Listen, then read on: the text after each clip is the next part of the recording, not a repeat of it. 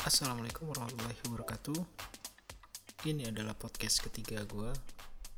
Sini gue bakal sharing dikit tentang paham feminisme ya sejarahnya dan pendapat gue nanti di akhir. Kenapa menurut gue paham ini nggak begitu penting ya untuk kalian ikuti. Yang gue baca dari Britannica.com tentang sejarah feminisme, ternyata feminisme itu ada empat gelombang ya atau empat kali pergerakan dengan fokus yang mirip ya. Fokus dan tuntutan mereka itu beda tapi mirip lah. Jadi awal mula itu yang dituntut ya itu adalah kesetaraan kelas sosial kasta pendidikan pekerjaan dan hak politik antar gender. Itu awal mulanya. Itu yang dituntut oleh kaum feminis. Kemudian lanjut ke gelombang 2 gelombang 2 itu lebih ke respon aja gitu ya. Respon ketika ternyata si John F. Kennedy presiden Amerika saat itu tuh melakukan eh, membentuk komite ya untuk melakukan riset tentang kesetaraan gender saat itu. Ya, ternyata laporannya cukup mengejutkan bahwa masih banyak diskriminasi pada wanita seperti upah ya kesempatan kerja bahkan hukum yang tidak adil pada wanita saat itu. Selain itu eh, alasan lainnya kenapa ada gelombang kedua ini yaitu akses wanita terhadap kontrasepsi itu juga dibatasi. Ya mirip lah ya sama gelombang pertama lebih ke hak uh, hak ke sosial kasta pendidikan pekerjaan. Ada pekerjaannya juga kan. Kemudian ada gelombang globalisasi. Nah ini yang menurut gue agak agak mulai bertentangan nih karena mereka kan awal mula tuh di Eropa dan Amerika Kemudian ketika terjadi globalisasi artinya mereka mengglobal gitu ya. Mereka mencoba menyebarkan paham mereka ini udah masuk nih ke negara-negara Islam. Nah itu mereka mulai agak aneh sih menurut gue ya. Mulai nggak mulai mulai nggak setuju lah gue dengan pandangan mereka yaitu mereka menuntut tentang hijab dan FGC ya.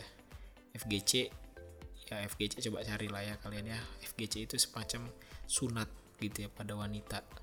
Dari bagiannya yang dipotong sedikit. Nah itu mereka tuntut karena katanya itu merupakan bentuk penindasan. Ya udah mulai nggak ini ya gue ya udah nggak mulai nggak. Ketika baca itu loh kok ke arah sana jadi ya. Sementara fokus awalnya itu bagus banget sih berangkatnya. Kemudian lanjut ke gelombang tiga ya. Gelombang tiga ini kebanyakan nggak banyak sih. Beberapa itu putri dari gelombang kedua. Ya, jadi putrinya mereka lanjut ada gelombang tiga karena memang ternyata jaraknya itu nggak begitu jauh ya antar gelombang 3 dan gelombang 2 uh, eh, tapi di sini terjadi pecah kongsi nih antara gelombang 3 atau gue tulisnya itu gen 3 dan gen 2 ya. Di mana gen 2 ini nganggep gen 3 ini cuma ngelanjutin doang gitu nggak ada substansi baru yang dikembangkan terkait penyetaraan gender ini. Nah misalnya nih ada beberapa pertanyaan terkait dengan kesetaraan gender yaitu uh, apakah pakaian seksi gitu ya pakaian terbuka dan dan kayak pole dancing itu adalah bentuk gender equality atau justru penindasan model baru tuh. Itu Gen 2 udah mulai mikir nih ini jangan-jangan yang dituntut itu justru tidak terwujudkan karena ada bentuk penindasan model baru. Ya wanita dijadikan objek ya dipajang dan sebagainya. Itu jangan-jangan bentuk penindasan model baru Gimana tuh menurut kalian? Kayaknya sih iya ya, penindasan model baru. Oke, kemudian lanjut ke gelombang keempat tuh yang baru-baru ini ya 2012 kalau nggak salah itu gelombang 4. Ini nggak gue cantumin tahunnya semua ya. Nah, kalian bisa cari lah ya baca-baca ini. Gue cuman ringkas aja. Untuk gelombang keempat ini lebih fokusnya ke pelecehan seksual, ya body shaming dan rape culture. Ya ini pemerkosaan dan sebagainya ya ya jadi kurang lebih itu ya empat gelombang besar tentang feminis atau paham feminisme. Nah sebenarnya tuh menurut gue nih ya di Islam tuh udah lengkap banget sih. Panduan untuk menjadi wanita menjadi istri dan menjadi seorang ibu itu udah lengkap. Uh, dan Siti Khadijah kayaknya udah perfect banget deh.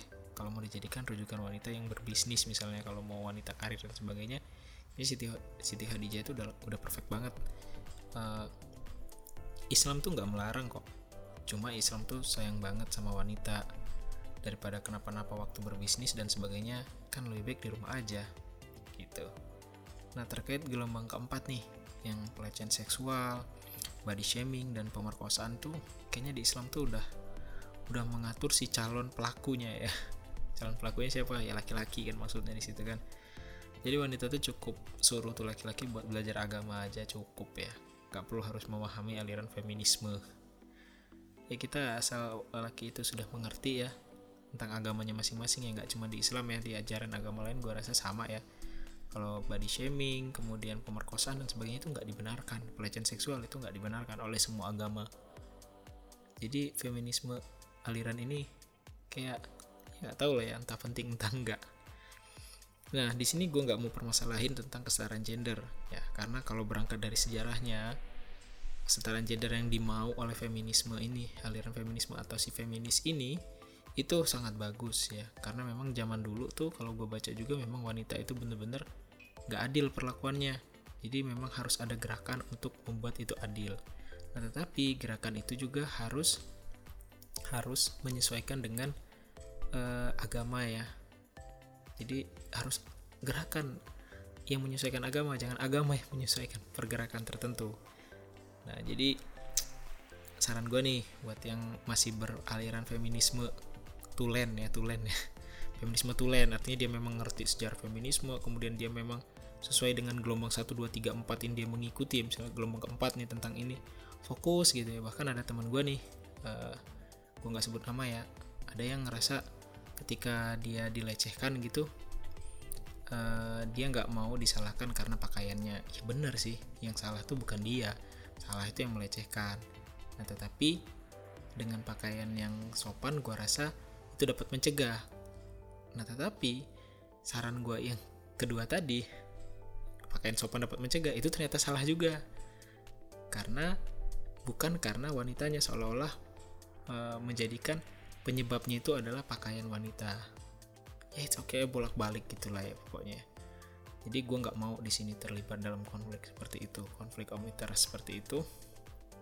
Ya, intinya kalau saran gue untuk mencegah pelecehan seksual ya pakaian yang sopan tapi kalau pakaian sopan masih terjadi pelecehan seksual ya itu memang memang mungkin terjadi juga namanya mencegah ya mencegah itu kan bukan berarti dengan mencegah itu pasti tidak terjadi kita jaga-jaga nih pakai kunci rumah segala macam tau masih dimaling kan ya?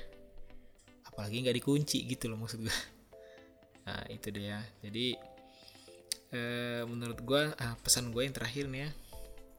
Nah coba deh kita baca kita nih ya nggak cuman nggak cuman kalian ya gue juga masih kurang banget sih tentang pelajaran-pelajaran Islam hukum-hukum Islam ajaran-ajarannya fikih-fikihnya bahwa kalau gue baca sepintas ya walaupun gue belum terlalu dalam tuh waktu Islam tuh udah udah benar banget gitu cara memperlakukan wanita.